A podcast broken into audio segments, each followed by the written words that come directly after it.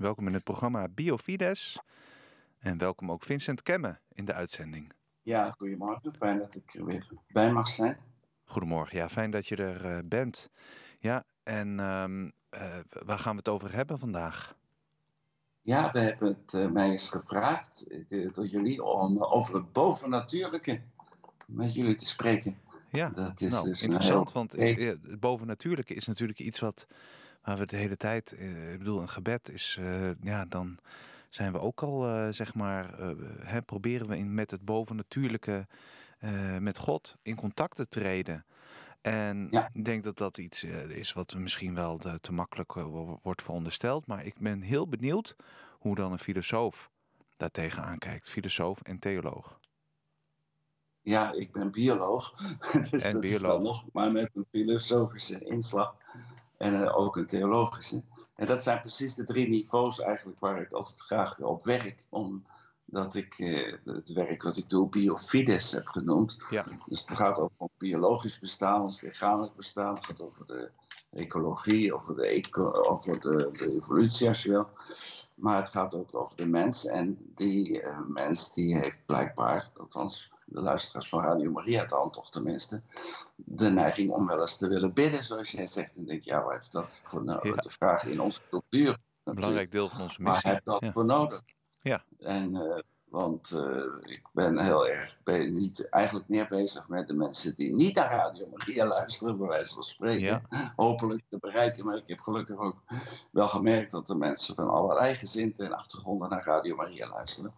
Ja. En dus dat kan ja, onze cultuur heeft eigenlijk uh, die bovennatuur, of God, of, en dus ook gebed daarmee, als uh, irrelevant en buiten de deur gezet. En misschien ja. geldt het al niet voor mensen die nu luisteren, maar misschien wel voor hun echtgenoot, of voor hun kinderen, of voor hun buren, of hun collega's. Je hoeft niet ver te fietsen om mensen tegen te komen voor wie God niet bestaat, die niet bidden of zeker niet daarvoor uitkomen. Misschien nog stiekem toch wel eens.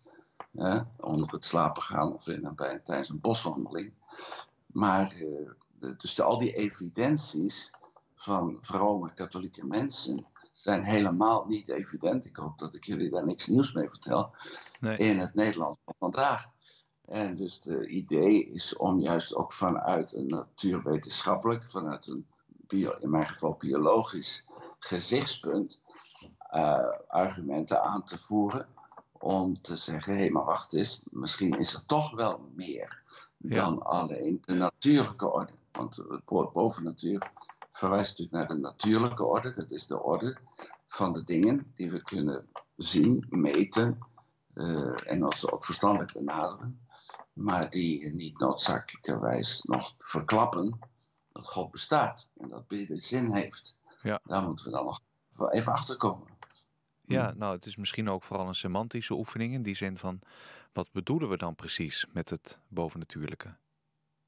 Ja, het woord bovennatuur schijnt, ik ben geen gestrainde filosoof, maar toch filosofisch wel wat problematisch te zijn. In die zin, wat versta je onder boven en wat versta je onder natuur? Maar laten we zeggen, als we de natuur noemen de waarneembare werkelijkheid die we mhm. kunnen meten, ja. of het nu met een microscoop is of met een telescoop of iets wat ertussen zit, waar we, uh, waar we dus uh, waarheid, natuurlijke waarheid aan kunnen on, ontfutselen. Dus het is echt zo dat chlorofiel voor de fotosynthese zorgt, bijvoorbeeld bij planten. -huh. nee, dat is iemand die daar nog aan twijfelt. Maar dat zijn zogenaamde empirische waarnemingen en ja, conclusies. wil zeggen, je kunt het zien. Of je kunt het op een andere manier gewaar worden. Ja. Ja. Langs de weg van de zintuigen en het verstand is men tot die en die conclusie gekomen. Ja. Dus dat zou je als een korte definitie kunnen. Nu, de vraag is natuurlijk of die, die uitdaging waar wij voor staan, waar we als christenen ook toe geroepen zijn om te vertellen dat er meer is, om dat ook op een redelijke manier over het voetlicht te brengen. Dus niet omdat je oma al de rozenkrans bad, dat jij het ook doet, dat mag dus uitstekend. Maar de ja. vraag is natuurlijk hoe je een atheïst of een agnost, en dus een atheïst is iemand die denkt dat God niet bestaat, een agnost is die, iemand die zegt dat weet ik niet, maar ik hou me er ook niet zo erg mee bezig. Ja. En nou, dat, daar lopen dus onze straten van vol. Ja. En de vraag is nu, hoe kunnen we redelijke argumenten verzinnen om te zeggen, ja, maar wacht even, er is wel degelijk iets meer, meer aan de hand. Uh, ik geef je maar één voorbeeld. Het woord biologie bestaat uit twee woorden, bios en logos. En bios, dat weten we, dat is dus die zichtbare werkelijkheid. Even tussendoor, want uh, er klinkt een bepaald getik uh, mee. Dat komt hier vrij hard door. Ik weet niet of dat uh, de, dan storend is. Misschien dat er een pennetje of zo op je bureau ligt die dan... Ik proberen het nergens aan te zetten. Sorry. Bio, biologie, twee woorden, ja? Puur van mij zo. maar dus, de, dus dat bios, dat is dan die empirisch waarneembare wereld. Maar die logos, daarmee onderkennen we impliciet dat uh, de wereld logisch in elkaar zit. Mm -hmm. uh, dus je de natuurwetten kunt ontdekken en dat geldt voor alle wetenschap. Nu is de vraag die niemand, weinig mensen zich stellen, is waar die logos vandaan komt. Hoe ja. het komt dat, uh, dat die werkelijkheid logisch in elkaar zit. Nou, de gelovige die zal al gelijk juichend roepen: God hè, ja. heeft het alles geschapen.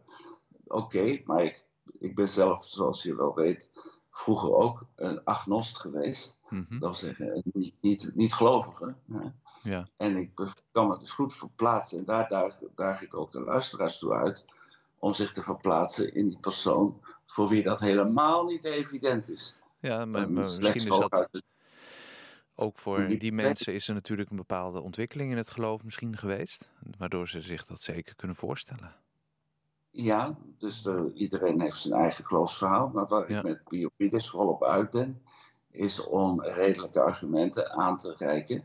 Om van die natuur naar die bovennatuur te komen, die, waar wij God situeren. En niet om het even welke God, maar ook nog een God die zich op een specifieke manier aan de mensheid heeft geopenbaard. Dat is overigens heel sympathiek van God, dat het ja. geen eenrichtingsverkeer is alleen. Mhm. Een opstijgende beweging van mensen die zich afvragen: ja, hoe zit het allemaal in elkaar? Hoe komt het dat het bestaat? En wat mysterieus en weet ik het. Ja, nee. Dan kun je in boeddhisme belanden met een of ander bewustzijn, of je kunt allerlei filosofieën belanden. Maar nou is het aardige van de God waarin wij geloven, is dat hij ook de weg naar beneden heeft Ja. willen afleggen. Ja. Om zichzelf aan ons te openbaren. God komt echt naar Dat- ons. Ja. Ja, dus dat is het hoogtepunt in de geschiedenis, natuurlijk de menswording. Dus dat betekent dat een bovennatuurlijke tweede persoon van de drie-eenheid, dus dat is al een hele mond vol. Als je niet, als je vrome katholiek bent en dat dagelijks de kruistekken slaat, dan denk je vader, zoon, heilige geest, klaar is Kees. Evident. Ja. Maar sorry, dat vind ik dan toch, moet het kruisteken maar eens iets wat langer, eh, langzamer slaan en dan vervolgens nog eens over nadenken. Of wat Het is allemaal niet zo evident. Ja. Dat, dat God drie personen is en dat één van die drie personen dan, het, die wordt geassocieerd met het woord, heb je weer, het logos, Mhm. de logica van de werkelijkheid. Die persoon, Jezus dus, die, komt, nee, die wordt mens en openbaart God eh, aan de mensheid. En dat, dat is dus een wisselwerking tussen zeg maar, natuur en bovennatuur, de menselijke natuur, die al wel eh, in redelijkheid tot de conclusie kan komen dat er meer moet zijn, want de bios zit logisch in elkaar, de biologie. Ja. Wer- hè, Het werkt logisch, het menselijk lichaam werkt logisch. Artsen zouden niks kunnen doen als er geen logische, betrouwbare wetmatigheden zouden zijn rond onze spijsvertering, onze lichaamswerking van ons lichaam. Maar eh, we kunnen dus al heel ver komen als mens door met, eigenlijk met een zekerheid te stellen dat God- een God moet zijn. Maar eh, als, eh, ja, het aardige is dus dat die God niet zit te duimen draaien in de hemel, maar ook de goedheid heeft om ons af en toe op een of andere manier, ook in ons privéleven, dus niet alleen in eh 2000 jaar geleden in, in, in eh, Judea, maar ook eh, in ons privéleven zich aan ons te manifesteren. Ja. En dan krijg je landen en dan kom je uit bij waar je mee begon, gelijk gebed bijvoorbeeld. Wat, maar gebed is ook wel zoiets. Gebed kun je opgaand doen van Heer, zorg dat mijn, mijn oma beter wordt. Of Heer, geef me alsjeblieft een mooie eh, eh, levenspartner. Of ik zeg maar wat. Ja. Maar je- gebed is, als je dan in de, in de, traditie van het gebed, van de kerk en van de spiritualiteit kijkt, zie je, kom je erachter dat gebed eigenlijk in de eerste plaats luisteren zou moeten zijn. Uh-huh. Écoute Israël, zeggen ze in het Frans. Luister Israël. De Heer is uw God en dan komen de tien geboden. Maar het eerste gebod is eigenlijk luister uh, eens naar die God die wel degelijk, uh, je kunt het niet geloven, maar tot mens wil spreken ook tussen, tot ieder van ons. Ja. En dat is dus, uh, dan heb je die relatie tussen natuur en bovennatuur ingevuld op een authentiek christelijke manier. En dat betekent dat het ook, wat mij betreft, een heel redelijk in elkaar zit. Het is veel redelijker, wat mij betreft. Ja. Dat, uh, dat bijvoorbeeld als we dan in God geloven, dat het ook een God is die goed is. En, en die dus uh, het goede met ons voor heeft. En die betrokken is op zijn schepping. En die dus, dan is het ook redelijk dat hij zich wel eens wil manifesteren. Dat hij geen stommetje speelt. En dat hij ons niet hopeloos aan ons lot overlaat. Maar er staat dan wel weer een voorwaarde tegenover. En dat is wij, die, die mens, die menselijke natuur, de, de, de, de weg weet om zijn hart en zijn verstand te openen voor, uh, voor die God die zichzelf manifesteert. En dan ontstaat er een, een liefdesband. En dan is gebed opeens veel meer dan de, uh, bidden voor je zieke tante. Hmm. Dat ja, ja. moet je ook goed blijven doen. Maar het is maar één vorm van gebed.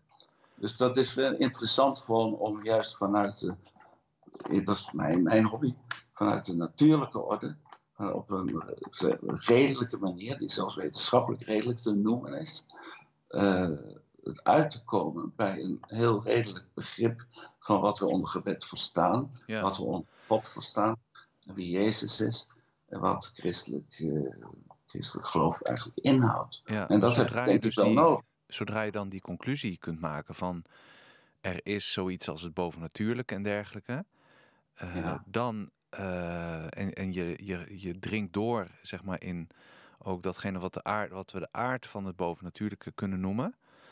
Ja. Uh, en, en ook vanuit de ervaring. Niet alleen vanuit de ja. overtuiging, maar ook vanuit de ervaring. Je kunt bijvoorbeeld ja. ervaren dat je ingevingen krijgt of zelfs visioenen. Maar dan is het moeten we dat niet meer, niet langer bovennatuurlijk noemen, maar misschien wel ondernatuurlijk of datgene wat vooraf gaat aan het natuurlijke. Van wat we kunnen zien. Term, ja, perfect. En die term bovennatuurlijk is dus een, nou, is maar een woord. Eh, woord de, ja. Aristoteles noemde dat de metafysica. Ja. Uh, voorbij de fysica is. De fysica is dan de natuurlijke orde, de, de natuurkunde zouden we nu zeggen. En, uh, maar, maar dus de, de, de, Aristoteles was geen christen, was een Griek. Die in de Griekse godsdiensten, polytheïsme en zo, opgroeide, maar die wel heel goed zijn verstand gebruikte. En uh, zijn leermeester Plato, die was ook al aan het denken van, dus puur filosofisch, puur rationeel, ja. je ja, er is meer aan de hand met dan alleen wat wij met onze handen en voeten en met onze waarneming, ogen waarnemen. Vincent, we hebben nog een minuut. Uh, misschien om heel even nog in te gaan op de vraag van wat hebben we daar nu aan? Om dit allemaal zo te, uh, uiteen te zetten en te, te beseffen van dat er bovennatuurlijk uh, is en hoe we daarover kunnen denken. Nou, ik denk dat een, als je dat één keer tot je door laat dringen, dat het een totale verandering van je levensvisie en levenswandel met zich mee kan brengen.